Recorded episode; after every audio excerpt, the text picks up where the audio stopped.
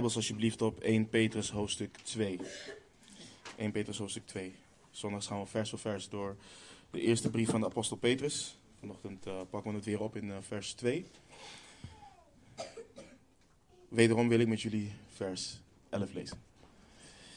Uh, Petrus schrijft onder leiding van de Heilige Geest.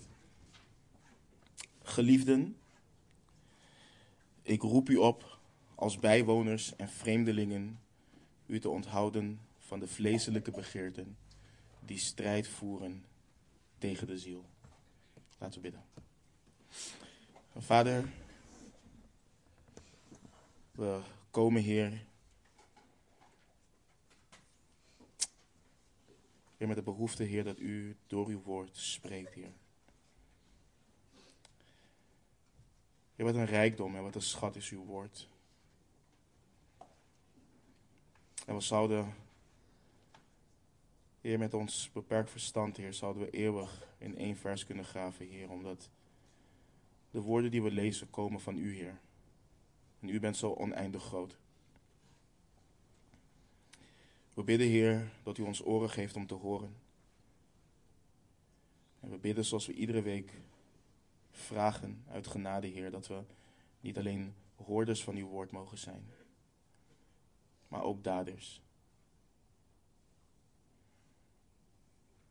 Heer, laat een ieder van ons door uw werk op wat voor manier dan ook, Heer.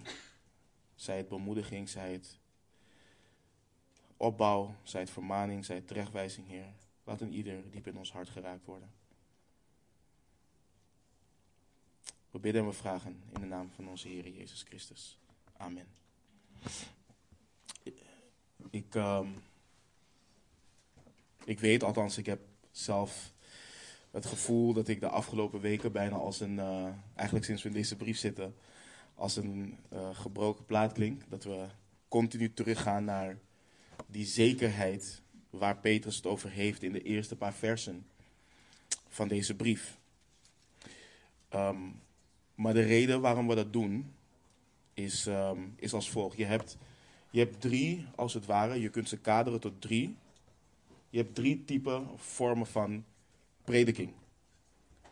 Je hebt de manier waarop sommigen hypergenade prediken. En daarmee mensen een valse vorm van zekerheid geven van redding. Terwijl alles in het leven van een persoon uh, of personen laat zien dat ze niet wedergeboren zijn. En dan heb je hen die de aanname doen en bang zijn dat iedereen tegen wie zij prediken in de gemeente, uh, dat dat um, allemaal Judassen zijn. Dat het allemaal Judassen zijn.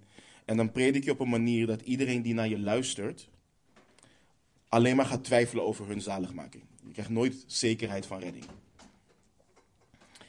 Het resultaat daarvan is dat je mensen aanspoort om iets te doen in je prediking. Maar het op zo'n manier brengt dat mensen toch denken dat ze uiteindelijk gewoon naar de hel gaan. Want de ondertoon is continu, jullie zijn toch niet goed. Je kunt het nooit goed doen. En dan heb je hen die zich beijveren om het woord van de waarheid recht te snijden. Je brengt simpelweg wat de schrift zegt en laat de geest hen bemoedigen die bemoediging nodig hebben. Hen vermanen die vermaand moeten worden. Uh, hen de zekerheid geven die zekerheid nodig hebben en ga zo maar door. Ik persoonlijk, en ik weet mijn broeders met mij die ook uh, voorgaan in het woord, beijver me in onderwerping aan de Heere God om dat laatste te doen. Om dat laatste te doen. Dat je het woord brengt en dat de geest doet in het individu wat nodig is, wat gedaan moet worden. En door zo te prediken, door zo systematisch door de schrift te gaan, waarop wij dat doen, moet je alles wat je behandelt continu terugbrengen naar de juiste context. Want anders sla je de plank mis. En waarom is dit belangrijk? Want de kerk, het huis van God, heeft de zekerheid, of heeft de schrift, opdat ze de zekerheid hebben van de dingen waarin ze onderwezen zijn. Dat is waarom het is gegeven. Kijk bijvoorbeeld, als je in je, in je Bijbel naar de brief 1 Johannes gaat. Kijk bijvoorbeeld naar 1 Johannes 1, vers 4. Johannes schrijft: En deze dingen schrijven wij u, opdat uw blijdschap volkomen wordt. Dus wat wil Johannes met deze brief? Hij wil dat de, dat, dat de blijdschap van zijn lezers als discipelen van de Heer Jezus, door de woorden overgeleverd van God, dat de discipelen, dat hun blijdschap voorkomen wordt. Dat is wat hij wil bereiken, onder andere. Hij wil niet dat we als sombere, onzekere, verslagen discipelen door het leven gaan.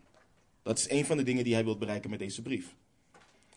Als je op het volgende let, 1 Johannes 2 hoofdstuk 1, of 1 eh, Johannes 2 vers 1. Johannes schrijft, mijn kinderen, ik schrijf u deze dingen opdat u niet zondigt. En als iemand gezondigd heeft, wij hebben een voorspraak bij de Vader, Jezus Christus, de rechtvaardige. Dus hij schrijft deze dingen om discipelen van de Heer Jezus Christus te waarschuwen, om hen te behoeden voor de zonde. Hij schrijft ze niet zodat je vrijheid hebt om te zondigen. Hij schrijft ze niet zodat je denkt dat als je gezondigd hebt als discipel, je linea recta naar de hel gaat. Nee, want hij wil dat iedere discipel weet, als iemand gezondigd heeft, wij hebben een voorspraak bij de Vader. Dat Jezus Christus de rechtvaardige. Let op het volgende vers in hetzelfde hoofdstuk, vers 12. Ik schrijf u, lieve kinderen, want de zonden zijn u vergeven omwille van zijn naam. Dus waarom schrijft hij hen? Hun zonde, onze zonde, wij die geloven, onze zonden zijn ons vergeven omwille van de naam van Jezus Christus. Dit wordt ons te drijven tot het loven van Hem, het prijzen van Hem, het verder navolgen van hem, van hem. Dat we verheugd zijn, want in en door Hem hebben wij zekerheid. Je bent vergeven, niet omwille van jou, omwille van Hem. Het volgende vers in Johannes 5, vers 13. Deze dingen heb ik geschreven aan u die gelooft in de naam van de Zoon van God, opdat u weet dat u het eeuwige leven hebt en opdat u gelooft in de naam van de Zoon van God. Dus waarom? Zij die geloven in de naam van, van de Zoon van God, zij die geloven in Jezus Christus, dat zij weten. Dat zij weten dat ze het eeuwig leven hebben, maar dat ze blijven groeien, opdat ze meer gaan geloven. En dit, dit, dit zien we dus hierin. Maar tussen al deze dingen door geeft Johannes in de brief aansporingen. Belangrijke aansporingen. Heb de wereld niet lief. Blijf bij wat je vanaf het begin al hebt gehoord, blijf daarbij. Toets de geesten. Zondig niet. Wees op je hoede voor de afgoden. Het zijn allemaal aansporingen die hij geeft, te midden van de zekerheden die hij ook geeft, die je kunt hebben als discipel. En we dienen daar acht op te slaan. Maar in welk licht?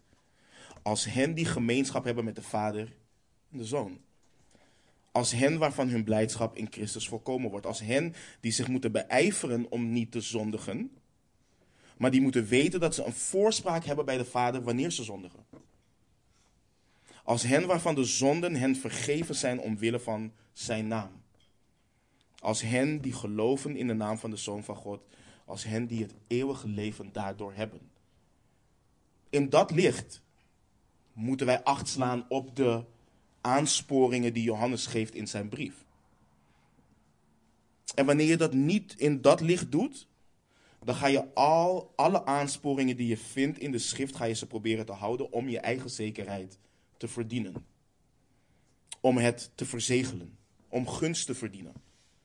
Maar gunst en zekerheid ontvangen we niet door onze eigen verdiensten, maar door het werk wat Christus heeft volbracht. Door in Hem te geloven. En het is God die ons verzegelt met zijn geest. Wij verzegelen onszelf niet. En waar dient deze introductie dus voor?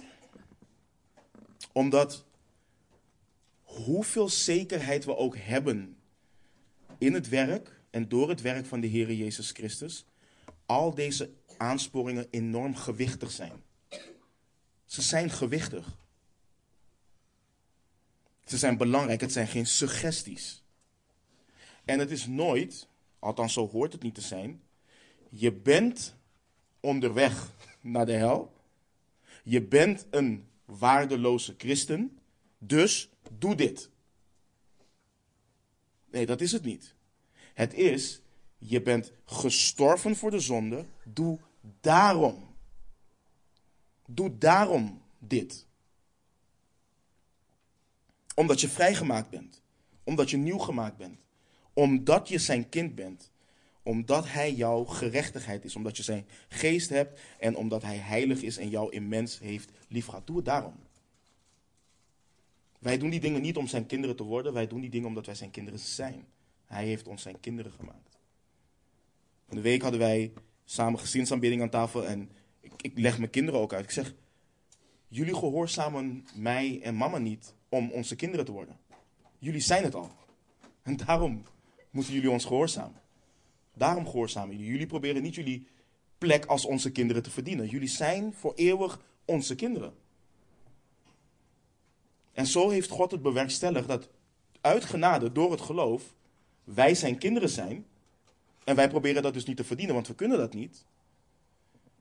Maar omdat wij zijn kinderen zijn, krijgen we wel gewichtige aansporingen waar we ons aan dienen te houden. Want Hij is onze God. En dat is wat wij moeten zien. Vorige week hebben we het gehad over wat vleeselijke begeerten zijn. Dat het een strijd is wat wij voeren. Dat we vreemdelingen en bijwoners zijn. Daar hebben we het vorige week over gehad. Vandaag, vandaag wil ik het met jullie hebben over wat belemmert ons in onze strijd tegen die vleeselijke begeerten. Wat belemmert ons in die strijd? En hoe overwin ik in de Here deze strijd? En er zullen bepaalde aspecten van vorige week terugkomen, maar laat dat niet dienen als ik heb dit al gehoord. Want ze zijn onlosmakelijk aan elkaar verbonden. Um, dat we bepaalde zaken gewoon weg moeten herhalen. Um, een van de dingen die we willen, en ik heb daar zelf ook enorm mee geworsteld, is: oké, hoe herken ik die vleeselijke begrip? Hoe herken ik dat ik wat ik doe, doe omwille van mezelf of omwille van de Heer? Hoe herken je dat? En wanneer je dat pad opgaat, dan kom je in een doolhof waar je helemaal gek van wordt. Want je gaat continu, ga je iedere stap die je doet, ga je in twijfel trekken. Je wordt onzeker, je wordt onrustig. Um, en je wordt beroofd van alle vreugde die de Heer je wilt geven. Van alles. Want je komt neer op, oké, lees ik mijn Bijbel omdat ik het wil of omdat ik het moet doen? Ga ik naar de samenkomst omdat ik het wil of omdat ik het moet doen? Dood ik de zonde omdat ik het verlangen heb om de zonde te doden? Of doe ik het omdat ik het moet doen? En wanneer je op, wanneer je op dat pad bevindt, dan, we kennen volgens mij de meeste van ons Alice in Wonderland, dan kom je daarin. Dan kom je daar terecht. En daarom gaan we vandaag staan bij een belangrijk ding. Um, als je in je Bijbel, ik heb hem op het scherm, Jeremia 17. Daar zegt de Heer in vers 9 en vers 10. De meeste van ons kennen deze versen. De Heer zegt, arglistig is het hart, boven alles. Ja, ongeneeslijk is het. Wie zal het kennen? Ik, de Heere, doorgrond het hart, beproef de nieren, en dat om ieder te geven overeenkomstig zijn wegen, overeenkomstig de vrucht van zijn daden. In het Hebreeuws spreekt het woord arglistig van verraderlijk. Het hart is bedriegelijk, zegt de Heer. En, en, en dat gaat al, dat, dat werpt gelijk al tegenwerping op wat de wereld ons leert. Volg je hart. Maar de schepper, de maker, de alwijze God zegt dat het hart van de gevallen mens verraderlijk en dat het bedriegelijk is. Wat houdt dat in? Overgelaten aan zichzelf, zonder de soevereine genade van onze God, zal ons hart ons bedriegen, ons verraden, ons wijsmaken dat het ons naar iets goeds leidt, maar uiteindelijk leidt het ons naar zonde. En wanneer dat volgroeid is, baart het de dood. Dat is het probleem van de mensenhart overgelaten aan zichzelf. In onze gevallen staat, waarin de mens de heerlijkheid van God mist, maakt het hart ons wijs dat wat het hart graag wil goed is. Dat ik dus daarom mijn hart moet volgen en moet toegeven wat ik voel en wat mijn hart wil. Maar wanneer de uiteindelijke balans wordt opgemaakt, zal ieder mens onderaan de streep zien dat hun hart hen heeft verraden en heeft bedrogen. Want het gevallen hart, het gevallen mensenhart houdt geen rekening met de eer, de glorie en de volmaakte wil van God. Maar voor de wedergeboren discipel geldt wat er in Titus 3, 4 en 5 staat. Maar toen de goede tierenheid van God, onze zaligmaker en zijn liefde tot de mensen verschenen is, maakte hij ons zalig. Niet op grond van de werken van rechtvaardigheid die wij gedaan hadden, maar vanwege zijn barmhartigheid door het bad van de wedergeboorte en de vernieuwing door de Heilige Geest. Dit geldt voor de wedergeboren discipel. Voor de wedergeboren discipel geldt wat Paulus schrijft in 2 Korinthe 5, vers 17 en 18. Daarom, als iemand in Christus is, is hij een nieuwe schepping. Het oude is voorbij gegaan. Zie, alles is nieuw geworden. En dit alles is uit God, die ons met zichzelf verzoend heeft door Jezus Christus en ons de bediening van de verzoening gegeven heeft. De christen is besneden, niet een besnijdenis wat met, een wat met menselijke hand plaatsvindt, en ook niet de besnijdenis in het vlees, maar een besnijdenis van, een, van het hart. De christen heeft een nieuw hart. Maar de realiteit is ook dit van de christen. Van dag tot dag moet het denken van de christen hernieuwd worden. Van dag tot dag. Want de oude mens, dat ellendige vlees, dat wil maar niet sterven. Het wil het niet. En we zijn nog niet gescheiden van dat zondige vlees. Op een dag zullen we zijn zoals onze zaligmaker. Maar nu zijn we verlost als slaven van de zonde. Niet meer onder de heerschappij van deze goddeloze wereld en de heerser van deze wereld. We zijn nieuw gemaakt en we zijn bekrachtigd om de strijd tegen het vlees aan te gaan. Dat is de realiteit van iedere wedergeboren christen. Nou, volgens mij weten we dit allemaal theologisch. Ik vertel jullie niets nieuws, maar waarom herinner ik ons hieraan? Ik, ik weet niet wat het is. Of we vergeten het, of we negeren het, of we minimaliseren het. En het is belangrijk om te beseffen dat dit leidt tot een verslagen wandel wat de Heere God niet eert. En daarom moeten we dit samen ontleden. We moeten dit samen ontleden om ons hier tegen te bewapenen en ik wil jullie vragen om in jullie fysieke Bijbels of in je Bijbel-app de volgende versen te markeren. Deze versen zijn belangrijk om echt de strijd aan te gaan tegen vleeselijke begeerten. Dit is één ding waar we echt bij stil gaan staan vandaag.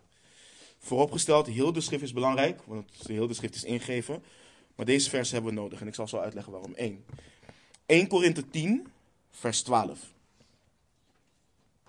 Daarom, Daarom, wie denkt te staan, laat hij oppassen dat hij niet valt. Daarom, wie denkt te staan, laat hij oppassen dat hij niet valt. Volgende, Galaten 6, vers 3. Want als iemand denkt iets te zijn terwijl hij niets is, bedriegt hij zichzelf. Galaten 6, vers 3. Want als iemand denkt iets te zijn terwijl hij niets is, bedriegt hij zichzelf.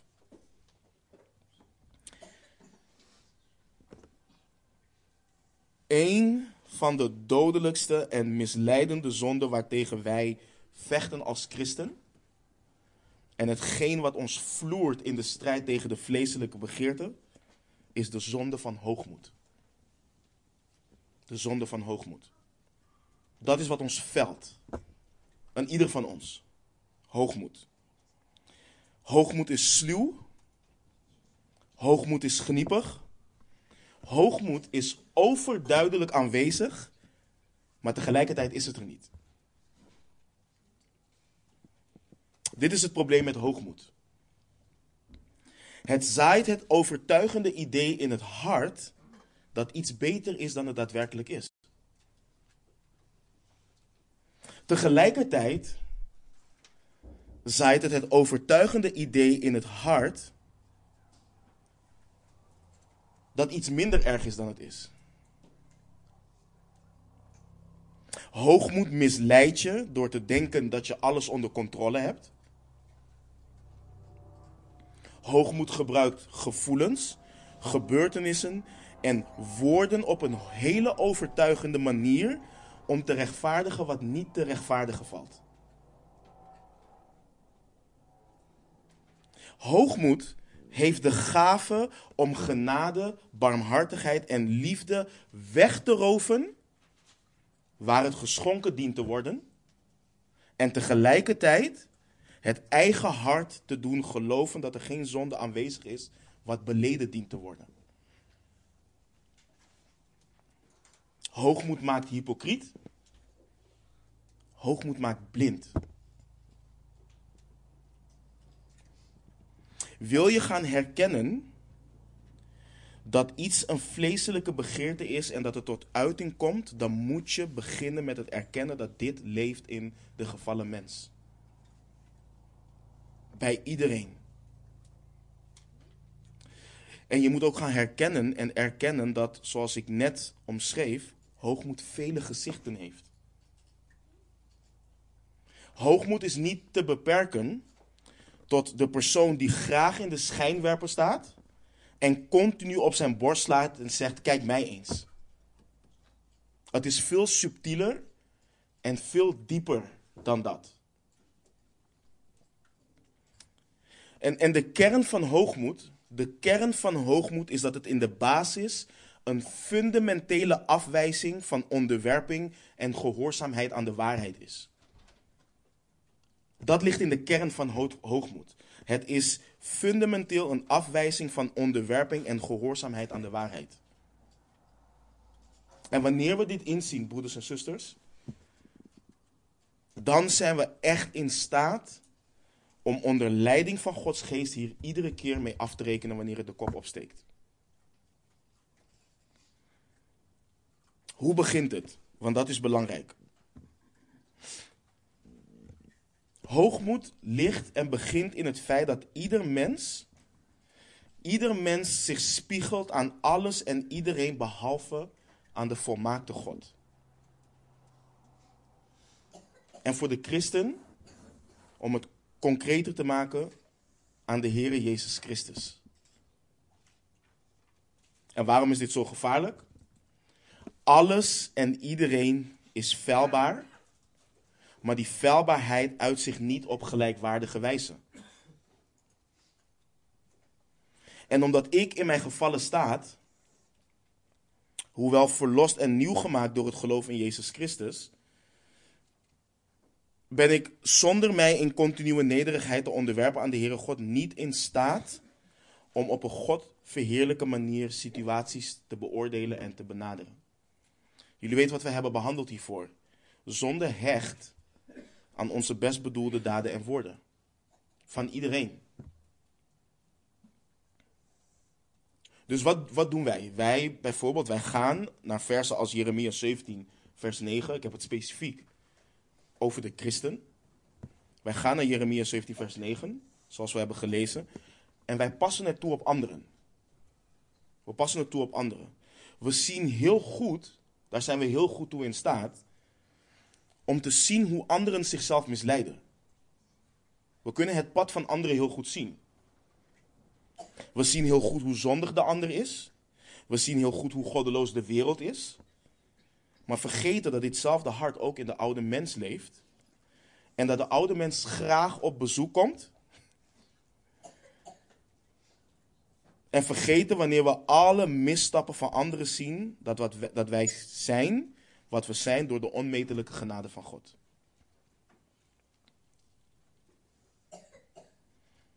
En wanneer we dat laatste vergeten, dan vliegt nederigheid ook de deur, de deur uit. Want hoogmoed en nederigheid kunnen nooit samen in één ruimte zijn. Dat kan niet.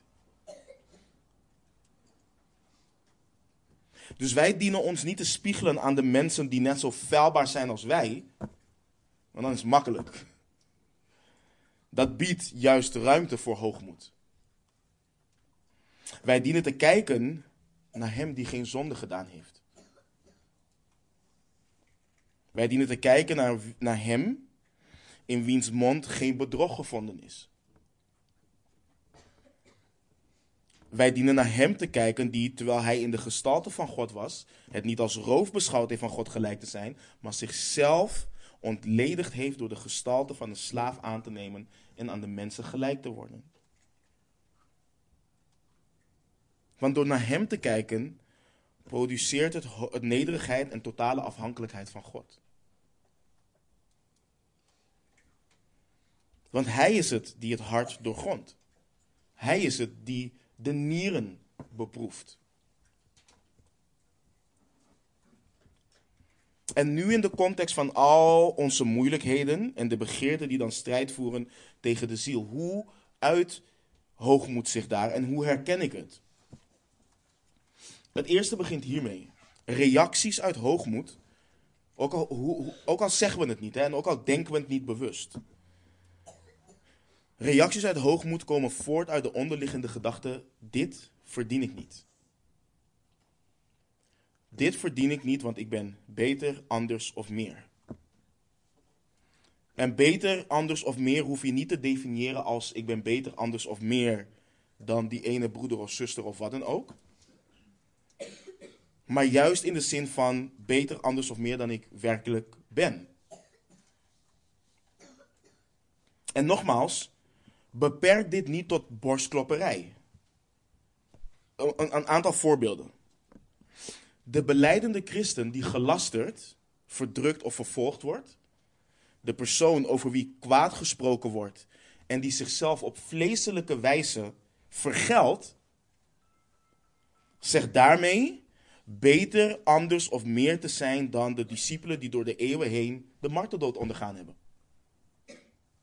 Omwille van hun geloof.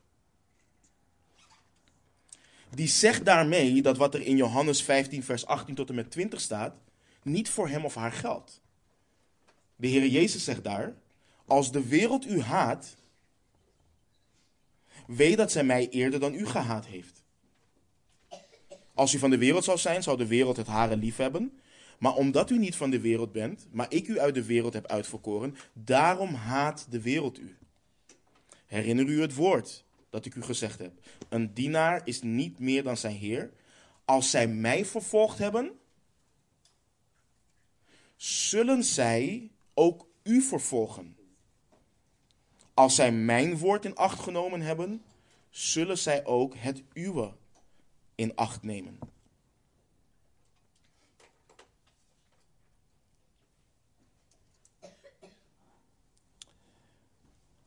De discipel die zich op vleeselijke wijze vergeldt tegen laster, verdrukking, vervolging of kwaadsprekerij. De persoon, die persoon zegt in zijn of haar handelen dat ze meer zijn dan hun heren. En let goed op, op, op mijn woorden. Ik heb heel bewust gezegd vleeselijke vergelding. Vleeselijke vergelding. Wat houdt dat in? Romeinen 12, vers 17. Vergeld niemand kwaad met kwaad. Wees bedacht op wat goed is voor alle mensen. Alle mensen. Dit houdt in niemand niet, nooit niet. Nooit niet. Vergeld niemand, met kwaad, uh, niemand kwaad met kwaad. Wees bedacht op wat goed is voor alle mensen. Hoe moeilijk, broeders en zusters, hoe moeilijk is dit wanneer iemand jou kwaad doet? Het is moeilijk. Maar waarom is het moeilijk? Omdat er in het vlees een rebellie plaatsvindt tegen de waarheid. Want de waarheid is, je bent niet meer dan je heren. Dat is de waarheid. Je bent niet meer dan je heren. De waarheid is, je bent geen uitzondering op de regel wat dit vers betreft. Je hoort geen kwaad met kwaad te vergelden. Je, hoort goed te doen. Hoogmoed geeft de begeerte om je op vleeselijke wijze te vergelden vrij spel. Dat is wat hoogmoed doet. Bijvoorbeeld, de discipel die zich op vleeselijke wijze vergeldt tegen een goddeloze overheid, die zegt beter anders of meer te zijn dan de discipelen in het verleden die leefden onder de tirannie van een goddeloze overheid. Die zegt beter anders of meer te zijn dan onze broeders en zusters die nu elders in de wereld te maken hebben met de tirannie van een goddeloze overheid. Want de hoogmoed in het hart wijst de plicht die de discipel heeft tot onderwerping en gehoorzaamheid aan de waarheid af. En volgende week gaan we dieper in op onze relatie jegens de overheid. Maar wat leert de schrift duidelijk? Titus 3, vers 1 tot en met 3. Herinner hen eraan dat zij de overheden en machten onderdanig, uh, onderdanig behoren te zijn. Dat zij hun gehoorzaam zijn en dat zij tot elk goed werk bereid zijn. Dat zij niemand belasteren, niet strijdlustig zijn, maar welwillend. En alle zachtmoedigheid bewijzen aan alle mensen. En, en, en, en dit is de clausule, let op vers 3. Want ook wij waren voorheen onverstandig, ongehoorzaam, dwalend, verslaafd aan allerlei begeerten en hartstochten, levend in slechtheid en afgunst, hatelijk in elkaar hatend.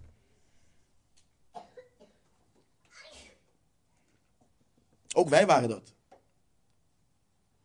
Is er een moment waarop de discipel God meer moet gehoorzamen dan de mens? Absoluut. De schrift leert het. Is het op vleeselijke wijze? Nooit. Want wie strijdt met het zwaard van de wereld, zal hier, of, zal hier zijn of haar loon ontvangen, maar zal ook onderuit gaan door het zwaard van de wereld. Onze wapens zijn geen vleeselijke wapens, maar wapens van gerechtigheid. En hier is hoe, en nu ga je zien hoe de vleeselijke begeerten en hoe hoogmoed ons misleidt. Ja, maar de, de overheid staat abortus toe. De overheid staat toe dat mensen tussen hetzelfde geslacht kunnen trouwen. De overheid heeft een aantal jaar geleden, niet zo lang geleden, de kerken weer houden van samenkomen. En we moeten samenkomen. De overheid wil onze kinderen indoctrineren dat ze van geslacht kunnen veranderen. De volken bedenken wat inhoudsloos is en de overheden van de aarde stellen zich op. En de vorsten spannen samen tegen de heren en tegen zijn gezalfde. Terecht zijn we verontwaardigd. Terecht zijn we verbolgen. Maar nog steeds geldt het gebod. Nog steeds geldt het gebod. Wees onderdanig. Belaster niemand. Wees niet strijdlustig. Maar bewijs alle zachtmoedigheid aan alle mensen. Zien we nu wat hoogmoed doet? Want dit is het gevaarlijke. Hoogmoed gebruikt waar wij ijverig voor zijn, waar we terecht ijverig voor zijn, namelijk de ere van onze God, maar op zo'n wijze dat we zondigen in het verdedigen van Gods eer en het rechtvaardigen door te wijzen naar hoe goddeloos de wereld is. Heere God, help ons. En dat doen we in ons huwelijk. Dat doen we met onze kinderen. Dat doen we op het werk. Overal doen we dit. Terecht zien we zonde, waar we iets mee moeten doen. Maar hoogmoed stelt ons in staat om zo verborgen over die zonde te zijn, dat we onze eigen zonde missen, toegeven aan onze, aan onze vleeselijke begeerten en dat allemaal doen onder het mom van Gods eer. Dat is wat hoogmoed doet. Dat is wat hoogmoed doet. Want nu komen we bij wat hier allemaal speelt. Het ontvouwt zich. Onze hoogmoed zorgt voor boosheid. De boosheid gaat gepaard met ontevredenheid. Ontevredenheid maakt plaats en ruimte voor bitterheid. Bitterheid zorgt ervoor dat wij gaan lasteren en kwaadspreken. En al die dingen baren rebellie. Rebellie tegen God, rebellie tegen de waarheid.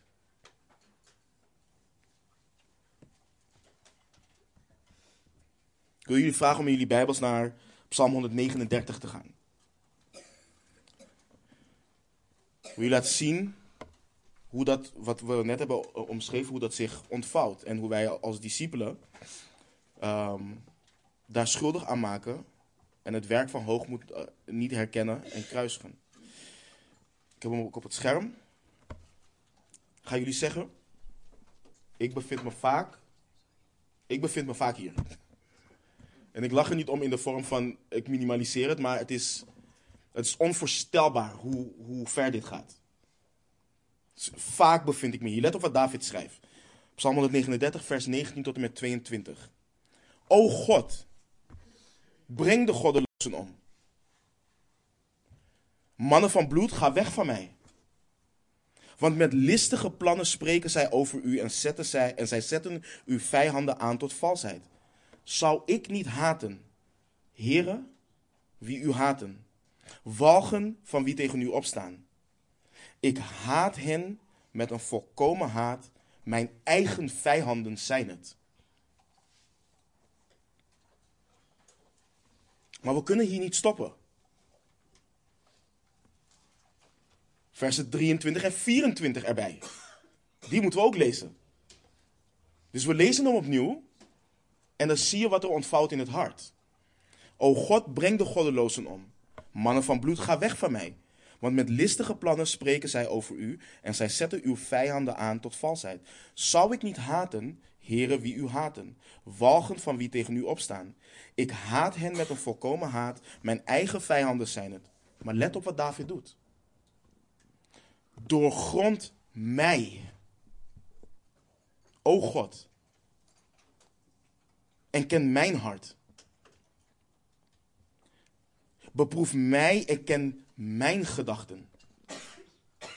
Zie of er bij mij een schadelijke weg is en leid mij op de eeuwige weg. Wanneer wij bij vers 22 stoppen, zeggen we: Ja, kijk, David haat de goddelozen. Hij is ook boos. Hij wil ook vergelding. Maar versen 23 en 24 zijn zo nederigmakend. Neem niet weg. Dit ontkent het kwaad niet. Maar het laat de vergelding in de handen van hem die rechtvaardig vergeldt. Dat is wat het doet. Doorgrond mij, o God, en ken mijn hart. Beproef mij en ken mijn gedachten. Zie of er bij mij een schadelijke weg is en leid mij op de eeuwige weg. Ik kan er nu om lachen, maar ik zal jullie een, een, een, een verhaal vertellen waar ik compleet, compleet de plank missloeg bij mijn eigen kinderen. Zaten aan tafel, kinderen hadden zich misdragen. Dit is echt een aantal jaar geleden. Kinderen hadden zich misdragen en um, ik word boos. Tegelijkertijd, in, in, in alles wat er gebeurt, um, dacht ik, oké, weet je wat? Helemaal klaar mee. Ik pak al jullie spullen, alles gaat de zolder op. Jullie gaan nergens meer mee spelen. Terwijl ik dat allemaal doe, misdraag ik me volledig. Volledig. Het gaat volledig langs heen. Het, gaat volledig langs hen heen. Ik alles optillen, een hele poppenhuis en al dat soort dingen. En tegelijk zegt mijn dochter, goed zo papa.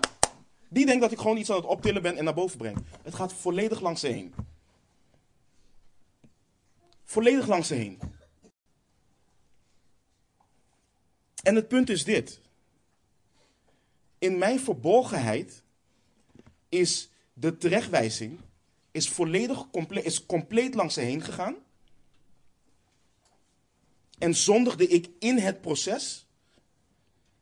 En probeerde ik het te rechtvaardigen als: Ik ben jullie vader en jullie dienen te gehoorzamen.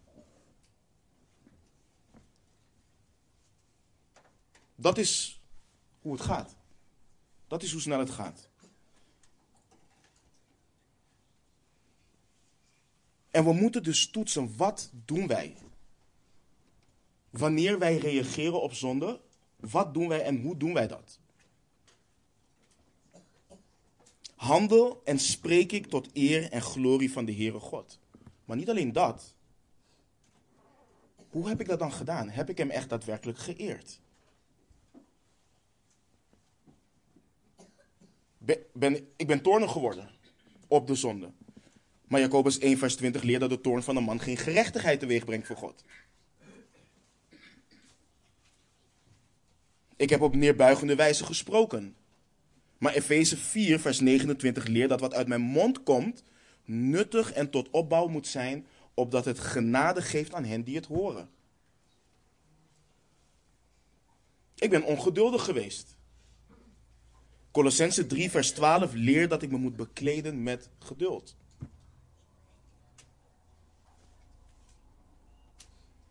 En zo, broeders en zusters, zo kunnen we een hele lijst maken. En je ziet hier, dit is het ding, je ziet hoe we geneigd zijn als wedergeboren discipelen van de Heer Jezus om zaken bijbels te proberen te rechtvaardigen die niet te rechtvaardigen zijn.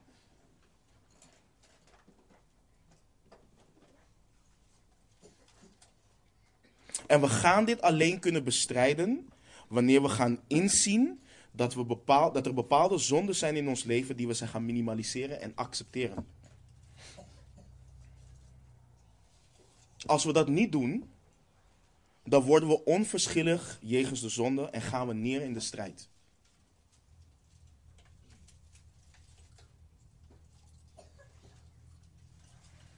Dus hoe gaan we dit herkennen? We gaan dit alleen herkennen wanneer we niet alleen theologisch weten dat het hart van de gevallen mens arglistig is, maar dat dat hart nog steeds op de loer ligt en de eer, van, en de eer die God toekomt, wilt wegroven om het eigen zondige vlees te behagen.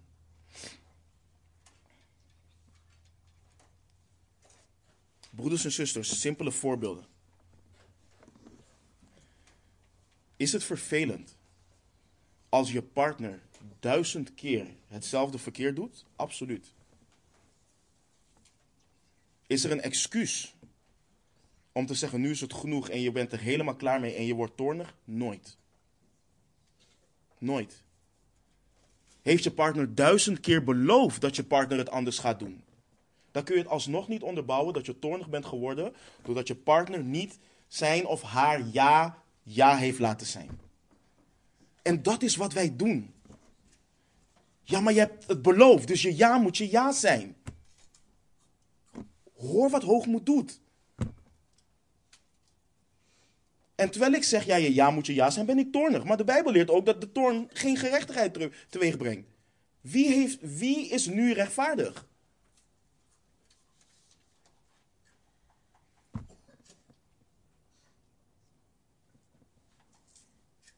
Als zij naar ons toe komen van de wereld, ons bekogelen met stenen en wat dan ook, ons uitmaken voor alles wat ze ons willen uitmaken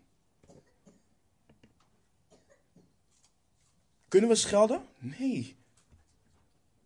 Want we kijken naar hem, die terwijl hij gelasterd werd niet teruggescholden heeft. Het is nooit te rechtvaardigen. Dat is het ding. Ik hoor mensen soms zeggen, ja, en ik heb het vorige week gezegd, twee weken geleden ook. Ik krijg er kriebels van wanneer mensen gewoon los en zomaar citeren. Ja, de Bijbel leert wordt boos, maar zondig niet. Doe dat niet. Doe het niet. Dat vers, als dat het vers is wat je aangrijpt terwijl je woedeproblemen hebt, dan is hoogmoed aan het regeren in je hart.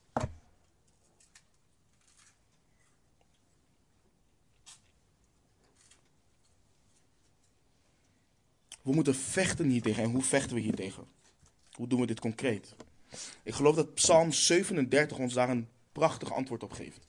Als je in je Bijbel naar Psalm 37 gaat, ik, Psalm 37 is een lang, psalm, een lang psalm, dus dat gaan we niet helemaal ontleden. Maar ik wil het wel met jullie lezen.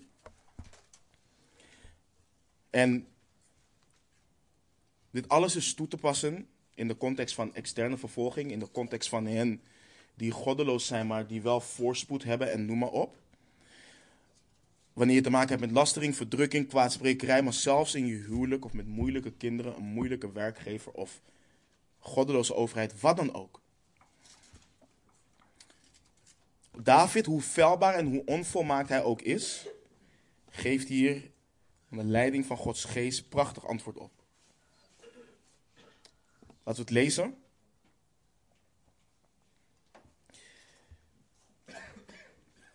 Een psalm van David. Ontsteek niet in woede over de kwaaddoeners. Benijd niet wie onrecht doen. Want als gras zullen zij snel verdorren. Als groene grasscheutjes zullen zij verwelken. Vertrouw op de Heere en doe het goede. Bewoon de aarde en voed u met trouw. Schep vreugde in de Heere, dan zal Hij u geven wat uw hart verlangt. Wentel uw weg op de Heere en vertrouw op Hem. Hij zal het doen. Hij zal uw gerechtigheid tevoorschijn doen komen als het morgenlicht. Uw recht doen stralen als de middagzon. Zwijg voor de Heere en verwacht Hem. Ontsteek niet in woede over, wie, over hem wiens weg voorspoedig is, over een man die listige plannen uitvoert. Laat uw woede bedaren en laat uw grimmigheid varen. Ontsteek niet in woede, het brengt slechts kwaad. Want de kwaaddoeners zullen uitgeroeid worden, maar wie de Heeren verwachten, die zullen de aarde bezitten. Nog even en de goddeloze zal er niet meer zijn. U zult op zijn plaats letten, maar hij zal er niet wezen. Maar de zachtmoedigen zullen de aarde bezitten en vreugde scheppen in grote vrede. De goddeloze bedenkt snode plannen tegen de rechtvaardige. Hij knarst het tand over hem. De Heere lacht hem uit, want hij ziet dat zijn dag komt. De goddelozen hebben het zwaard getrokken en hun bo boog gespannen, om de ellendigen en de armen neer te vellen, om af te slachten wie oprecht wandelen. Hun zwaard zal in hun eigen hart dringen, hun bogen zullen gebroken worden. Het weinige dat de rechtvaardige heeft, is beter dan de overvloed van vele goddelozen. Want de armen van de goddelozen worden gebroken, maar de Heere ondersteunt de rechtvaardigen. De Heere kent de dagen van de oprechten. Hun erfelijk bezit zal voor eeuwig blijven. Zij worden niet beschaamd ten tijde van onheil. In dagen van honger worden zij verzadigd. Maar de goddelozen komen om. De vijanden van de Heere zijn als het kostbaarste van de lammeren. Zij verdwijnen in rook, of zij verdwijnen in rook, zullen zij verdwijnen. De goddeloze leent en betaalt niet terug, maar de rechtvaardige ontfermt zich en geeft. Want wie door hem zijn gezegend, zullen de aarde bezitten. Maar wie door hem zijn vervloekt, worden uitgeroeid. De voetstappen van die man worden door de Heere vastgezet. Hij vindt vreugde in zijn weg. Als hij valt, wordt hij niet weggeworpen, want de Heere ondersteunt zijn hand. Ik ben jong geweest, ik ben ook oud geworden. Maar ik heb de rechtvaardige nooit verlaten gezien, of zijn nageslacht op zoek naar brood. De hele dag ontfermt hij zich en leent uit, en zijn nageslacht is tot zegen. Keer u af van het kwade, doe het goede, en bewoon de aarde voor eeuwig. Want de Heere heeft het recht lief, en zal zijn gunstelingen niet verlaten. Voor eeuwig worden zij bewaard. Maar het nageslag van de goddelozen wordt uitgeroeid. De rechtvaardigen zullen de aarde bezitten en voor eeuwig daarop wonen. De mond van de rechtvaardige brengt wijsheid tot uiting. Zijn tong spreekt het recht. De wet van zijn God is in zijn hart. Zijn schreden wankelen niet. De goddeloze loert op de rechtvaardige en probeert hem te doden. Maar de Heere geeft hem niet over in zijn hand en verklaart hem niet schuldig wanneer hij geoordeeld wordt. Wacht op de Heere en houd u aan zijn weg. Dan zal hij u verheffen om de aarde te bezitten. U zult zien dat de goddelozen worden uitgeroeid. Ik heb een gewelddadige goddeloze gezien, die zich wijd vertakte als een bladrijke, bladderrijke, bladerrijke sorry, inheemse, inheemse boom. Maar hij ging voorbij en zie, hij was er niet meer. Ik zocht hem, maar hij was niet te vinden. Let op de vrome en zie naar de oprechte Want het einde van die man zal vrede zijn. Maar de overtreders worden tezamen weggevaagd. Het einde van de goddelozen wordt afgesneden. Maar het heil van de rechtvaardigen komt van de Heer. Hun kracht ten tijde van benauwdheid. De Heere zal hen helpen en hen bevrijden. Hij zal hen bevrijden van de goddelozen, goddelozen en hen verlossen. Want zij hebben tot hem de toevlucht genomen.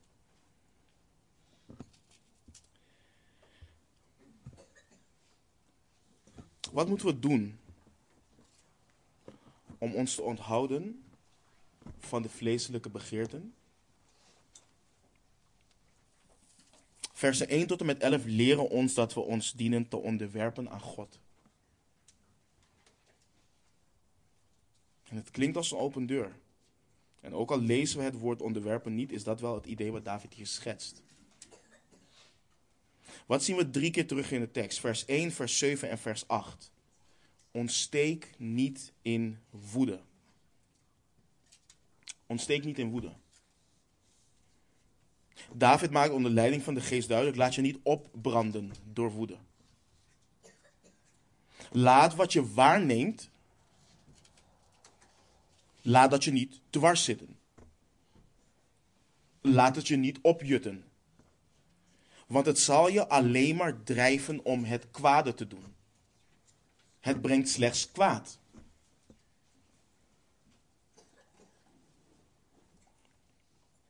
Als ik kijk naar het nieuws, en ik zeg niet hiermee kijk niet naar het nieuws, maar als ik kijk naar het nieuws en ik me daardoor laat opjutten, of als het me gaat dwarszitten, dan ontsteek ik in woede. Ik hoef maar naar één debat te kijken in de Tweede Kamer. en ik ontsteek in woede. Maar die dingen moeten mij niet dwars zitten. Ik kan me en ik mag me niet laten opjutten door die dingen. Want als ik naar die dingen kijk en ik hoor die dingen, hoe fout die dingen ook zijn, ik heb het recht niet om te lasteren. Ik heb het recht niet om kwaad te spreken. En het is moeilijk, maar dat zijn die vleeselijke begeerten. En daar moeten we ons van onthouden. Want het brengt slechts kwaad. Wat zegt David nog meer? Benijd niet wie onrecht doen. En benijden gaat gepaard met ontevredenheid. Het gaat er niet zozeer om dat je zou willen wat zij doen, hè, dat je dat zou willen doen. Het gaat erom dat je op dat moment ontevreden bent dat ze wegkomen met hetgeen wat ze doen.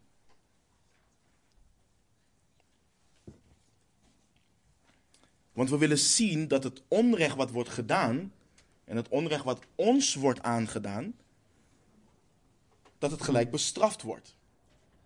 Dat willen we zien. Maar we weten dat God, Hij bestraft en Hij oordeelt zonder aanzien des persoon. Waarom moet Hij de goddeloze overheid straffen, maar jou niet aanpakken voor jouw toornigheid? Waarom moet hij jou niet aanpakken voor, voor kwaadspreken? En wij weten dat wij als discipelen, dat betaald is voor onze zonde. Wij weten dat. En in dat licht zien wij dit dus ook. Maar het is, we doen eigenlijk wat de wereld doet. Als er een God is en als hij zo goed is, waarom, waarom pakt hij het kwaad dan niet aan? Ja, maar dan moet hij jouw kwaad ook aanpakken.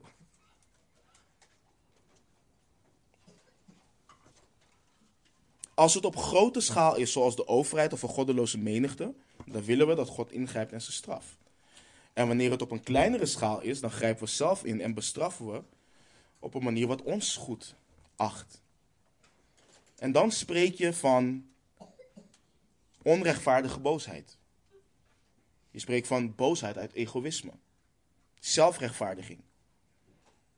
Dat is ons grootste probleem. En David leert ons dat we dat moeten afleggen. We moeten hen die onrecht doen niet benijden en ook niet ontsteken in woede. Maar wat moeten we dan wel doen? In plaats van ons te fixeren op de kwaaddoener of kwaaddoeners, dienen we ons te fixeren op de Heere God. En broeders en zusters, dit klinkt al, alle, alles klinkt als een open deur. Ja, tuurlijk. Oh, fixeer je ogen op de Heere God. Maar we doen het niet. Dat is het ding. We weten het. Maar we doen het niet. Hoe vaak heb je jezelf wel niet betrapt dat je vijf minuten lang of misschien een minuut lang alleen maar aan het tieren bent over onrecht wat je waarneemt?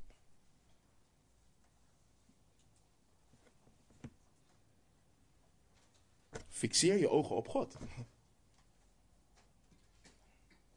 In vers, 9, of vers 3 tot en met 9 noemt David vijf keer expliciet de Heere God bij naam. En daarnaast nog vijf keer met, eh, als het ware, voornaamwoorden. Hij in vers 4, hem en hij in vers 5, hij in vers 6, hem in vers 7. David leert om niet gefrustreerd te raken, om niet toe te geven aan die begeerte, om niet te vallen in zonde, moet je je ogen bewust fixeren op de Heere God. En let op wat David schrijft om te doen. Dit is inzichtelijk. We moeten de Heere God vertrouwen. We moeten Hem vertrouwen. Vers 3 en vers 5. En ook dit wordt heel vaak oppervlakkig gebruikt. Vertrouw de Heere God dat je die baan krijgt. Dat je dat huis krijgt. Dat, je, dat er zal gebeuren wat je hoopt dat er zal gebeuren. Maar dat is niet hoe David het gebruikt.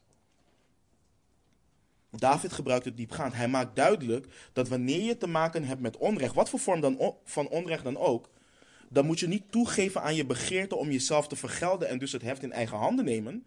Nee, je moet vertrouwen dat de Heere God zal vergelden wanneer Hij het goed acht om te vergelden.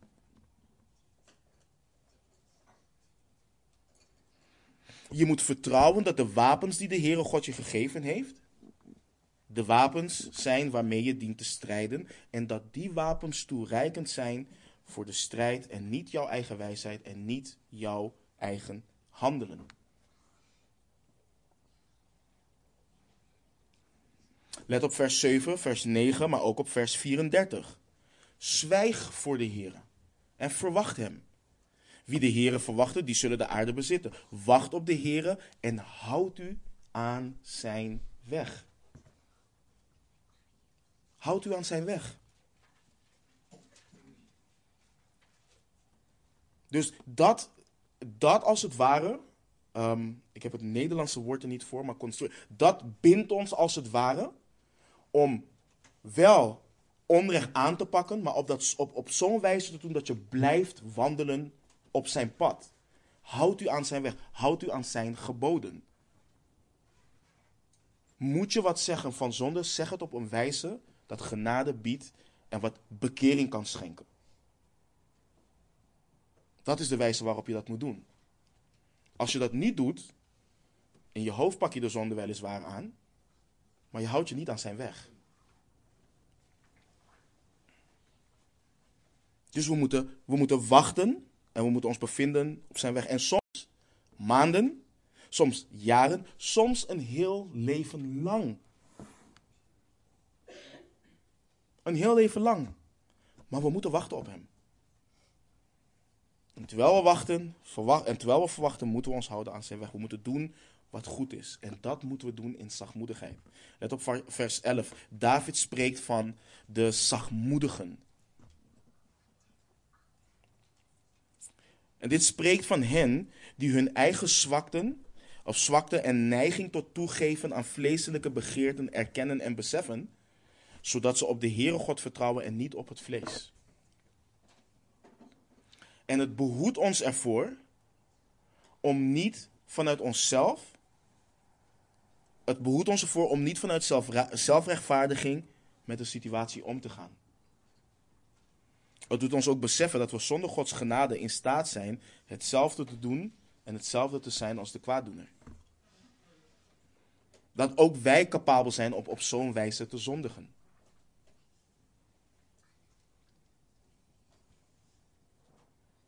En vers 4. Vers 4 is, is, is de sleutel. Alles waartoe we worden opgeroepen, dat is samen te vatten in vers 4.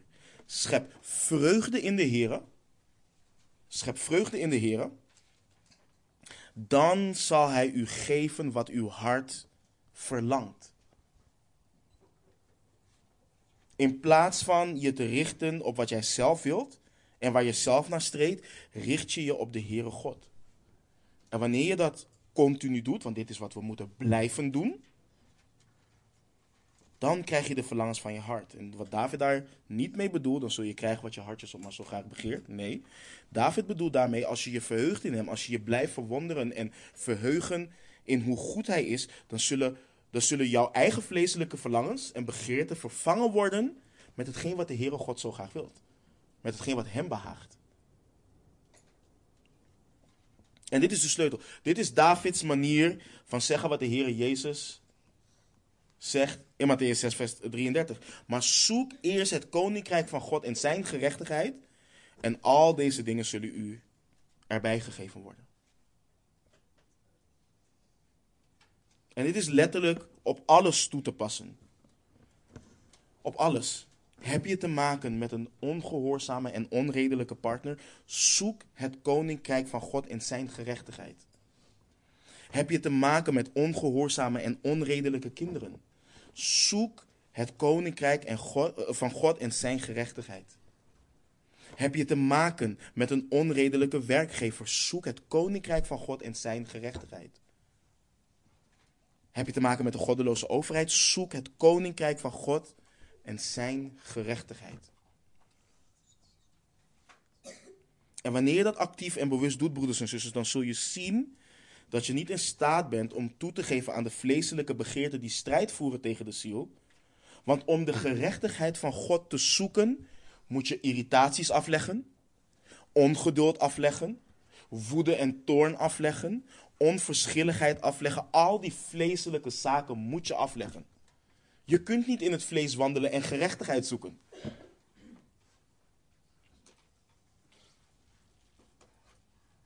En ik wil nog één bemoediging geven voordat we Psalm 37 achter ons laten voor vandaag. Let op, op vers 5. Wentel uw weg op de Heer en vertrouw op Hem, Hij zal het doen. Let ook op vers 17. Maar de Heere ondersteunt de rechtvaardigen. We zijn niet alleen in deze strijd. En we vergeten dat al te vaak. Eerst rennen we als kippen zonder koppen en daarna is het, oh Heer, help ons.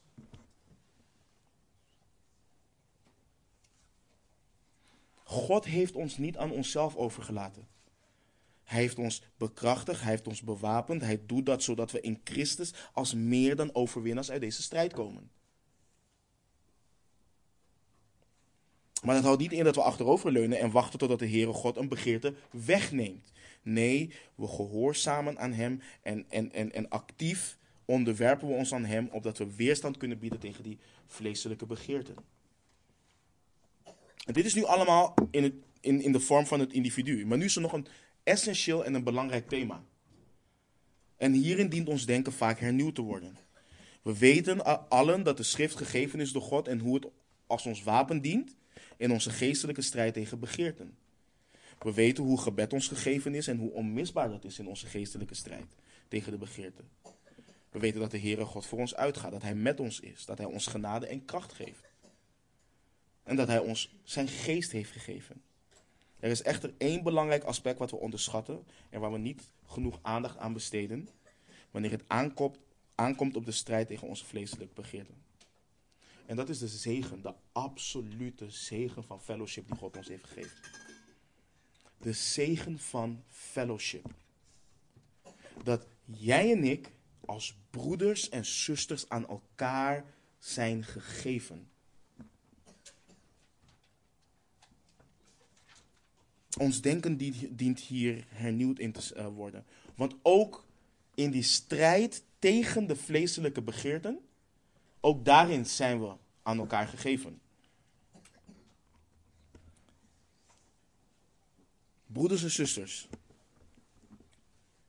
we hebben elkaar, en dit is prachtig, wij allen die een ijver hebben voor de Heere God.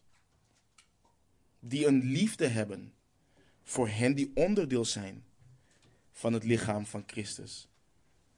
En als het goed is, als het goed is, willen we elkaar zien wandelen op een wijze de Heere waardig. Dat als het goed is, willen we dat. Maar we kijken in het Westen te aards, te werelds naar fellowship. En, en begrijp me niet verkeerd. Fellowship en het delen, het beleiden van zonde, het delen van uh, strijd en al dat soort dingen. Het kan niet op. Kijk, fellowship per definitie kan niet opgelegd worden. Je kunt geen dingen bedenken om fellowship te hebben. Je hebt fellowship, je hebt gemeenschap, omdat je samen deelt in Christus. Dat is de basis van onze fellowship. Jij hebt de geest, ik heb de geest, we hebben fellowship. Dat is wat fellowship teweeg brengt. Maar vaak hebben we het idee dat er als het ware eerst een, hoe moet ik het zeggen, een band opgebouwd moet worden. Dat er een, een, een, een, een basis moet zijn, als het ware, om dat teweeg te kunnen brengen. Om samen te kunnen strijden tegen die vleeselijke begeerten. Dat er een voorwaarde moet zijn daarvoor. Maar de voorwaarde is de fellowship. Dat is de voorwaarde. En ik, ik, ik, ik wil jullie een, een, een tekst laten zien. Uh, als jullie in jullie Bijbels naar Handelingen 18 gaat. De tekst gaat weliswaar niet zelf over vleeselijke begeerten. Maar het laat zien dat dit niet gaat om de voorwaarden die wij zelf als mensen plaatsen om tot elkaar of in elkaars leven te kunnen spreken. Handelingen 18, vers 24 tot en met 28. We lezen. En een zekere Jood, van wie de naam Apollos was, een Alexandriër van afkomst, een welsprekend man, die kundig was op het gebied van de schriften, kwam in Efeze aan. Deze was in de weg van de Here onderwezen, en omdat hij vurig van geest was, sprak en onderwees hij nauwkeurig de zaken van de Here. Maar hij wist alleen van de doop van Johannes. Dus Johannes de Doper. En hij begon vrijmoedig te spreken in de synagoge. En toen Aquila en Priscilla hem gehoord hadden, namen zij hem apart en legden hem de weg van God nauwkeuriger uit. En toen hij naar Achaia wilde reizen, bemoedigden de broeders hem en schreven aan de discipelen dat zij hem moesten ontvangen. En toen hij daar gekomen was, bood hij veel hulp aan hen die door de genade geloofden. Want hij bestreed de Joden krachtig in het openbaar door uit de schriften te bewijzen dat Jezus de Christus is. Wat, op zien, wat, wat, wat zien we? Let op dat Apollos, hij heeft zich laten onderwijzen. Hij liet zich onderwijzen. Nergens zie je dat er een band opgebouwd is, dat ze elkaar eerst moesten leren kennen, dat er een gevoel van veiligheid gecreëerd moest worden. Want dit draaide niet om Apollos. Het draait niet om hem. Het draaide ook niet om Aquila en Priscilla. Dit draaide om de Heere Jezus. Dat is wat hier centraal staat. Dat is wat centraal staat. En dat is ook wat wij dienen te beseffen in onze fellowship. Niet wij of onze gevoelens staan centraal, maar de Heere God staat centraal. Ik hoef niet bang te zijn, hoewel het kan gebeuren. Ik hoef niet bang te zijn dat men mij veroordeelt omdat ik niet voldoe aan verwachtingen. Ik hoef daar niet bang voor te zijn. Ik hoef niet bang te zijn dat men erachter komt of wat men denkt, of wat men gaat denken, dat ook ik vecht tegen vleeselijke begeerten. Wij allemaal doen dat. Wij allemaal zijn vuilbare mensen. We hebben allemaal dezelfde strijd. Dus ik hoef hier niet, omdat ik hier sta, te zeggen: oké, ja, de, de schrift leert in Titus en Timotheus dat ouderlingen onberispelijk moeten zijn en dat zij als voorbeelden moeten wandelen. Dat leert de schrift absoluut. Maar ik hoef hier niet te doen alsof ik beter of perfecter ben dan jullie. Ik ben het niet. Totaal niet. Ik zal zondigen tegen jullie, ik zal jullie teleurstellen, al die dingen. Delano, Ive, Sergio, iedereen, we zullen elkaar allemaal teleurstellen. Het zal gebeuren, het kan gebeuren. Dat is de realiteit. Als we dat helder hebben, dan kunnen we met discipelschap aan de slag. Dan kunnen we met discipelschap aan de slag. Want dan hoef ik niet te doen alsof ik beter ben, maar dan kan ik mijn broeder letterlijk in mijn leven laten spreken. Hé hey bro, hoe ga je met je vrouw om? hoe ga je met je kinderen om? Hoe gaat het op je werk? Of omdat ik geen imago hoog te houden heb, kan ik naar mijn broeders toe gaan en mijn zusters? Gaat die goed op werk? En ik weet al dat het niet goed gaat, maar ze vermanen me alsnog. En, en, en dat is wat wij moeten leren. Want wij kunnen zien, ondanks het feit dat er hoogmoed regeert en alles, kunnen we wel waarnemen. Dat, wat, dat is niet goed. En daar moet je mee aan de slag. En dat is iets goeds. Dat is letterlijk een zegen, een gave van de Heer. Het is een geschenk. En wanneer we dat zo gaan zien, dan ga je zien dat we als gemeente, wanneer we de wereld ingaan, weg van deze vier, muren, dat we kunnen wandelen zoals de Heere God dat wilt. En kunnen herinneren dat wat onze broeder of zuster tegen ons heeft gesproken, om waar we ook zijn, te strijden tegen die vleeselijke begeerten wanneer we onrecht of wat dan ook waarnemen. Ik kan mijn zusje bellen, klagen en ze zegt, Joe, bekeer je. En ze doet het ook. Ik bel mijn broeders, bro, luister, bekeer je. Ik ga niet je gevoel en al dat soort dingen lopen entertainen en zeggen: ik heb Nee, je moet je bekeren. In dat alles hebben zij mij behoed van kwaadspreken, lasteren, hoogmoed, al die dingen. Prijs de Heer. Dat is hoe we fellowship moeten zien. Dat is hoe we fellowship moeten zien. Dus hoe gezegend en daarmee gaan we afsluiten. Hoe gezegend zijn we dat wanneer we tot Hem komen in gebed om hulp en kracht, Hij ons daarin ook voorziet. Hoe gezegend zijn we dat wanneer we Zijn woord openslaan en geconfronteerd worden met onze zonde, maar ook de wijsheid en inzicht te krijgen vanuit Zijn woord om het te kunnen bestrijden. Hoe gezegend zijn we dat we broeders en zusters hebben die ons lief hebben en net zo'n ijver hebben voor de, voor de eer en heiligheid van de Heere God en ons terechtwijzen, bemoedigen, vermanen, aansporen, corrigeren wanneer dat nodig is. We zijn waarlijk gezegend. Gezegend. Dus laten we onze hoofden opheffen. Het is een zware strijd waartoe we geroepen zijn. Het maakt ons ellendig. Maar onze God is machtig. Hij is goed. Hij is voor ons. En ik wil daarom afsluiten met exact hetzelfde waarmee ik vorige week heb afgestopt. Ive heeft hem vorige, of afgelopen woensdag ook gelezen.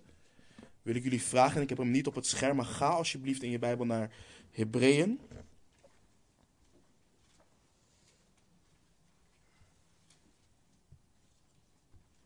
Hebreeën 12.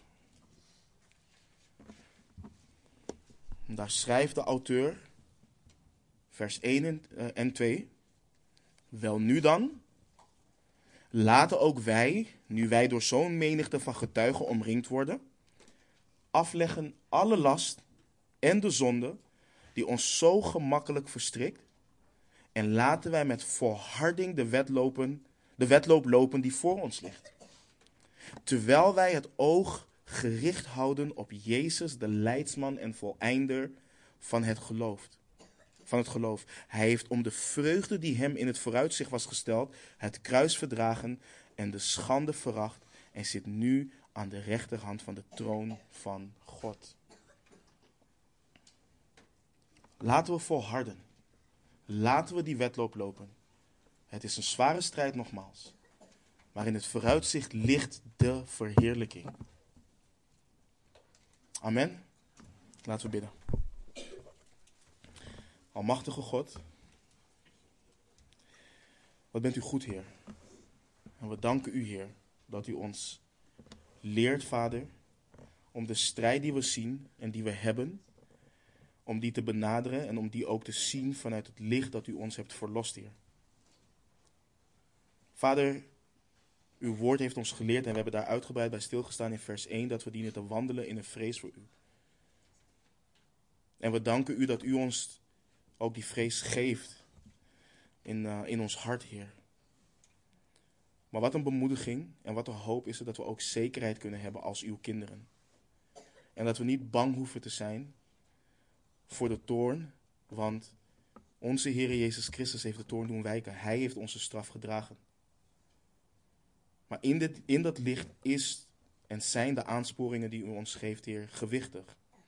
En kunnen we ze niet lichtelijk nemen en kunnen we niet onverschillig daarmee omgaan. En we bidden en we vragen, Heer, dat u ons blijft bekrachtigen, dat u ons blijft leiden, dat u ons helpt, Heer, als broeders en zusters in de fellowship, Heer, om elkaar mee te trekken, mee te sleuren, op te bouwen, Heer, in deze strijd. Zoals we ook zingen vaak, Heer, dat we bijna thuis zijn. We zijn hier als bijwoners of als vreemdelingen, maar we zijn niet alleen. En we danken u. We loven uw naam. En we bidden, Heer, dat alles wat we, wat we hebben behandeld, dat we nogmaals daar niet alleen hoorders van zullen zijn, maar ook daders. We houden van u en we loven en we prijzen, we prijzen uw naam in de machtige naam van onze Heer Jezus Christus. Amen.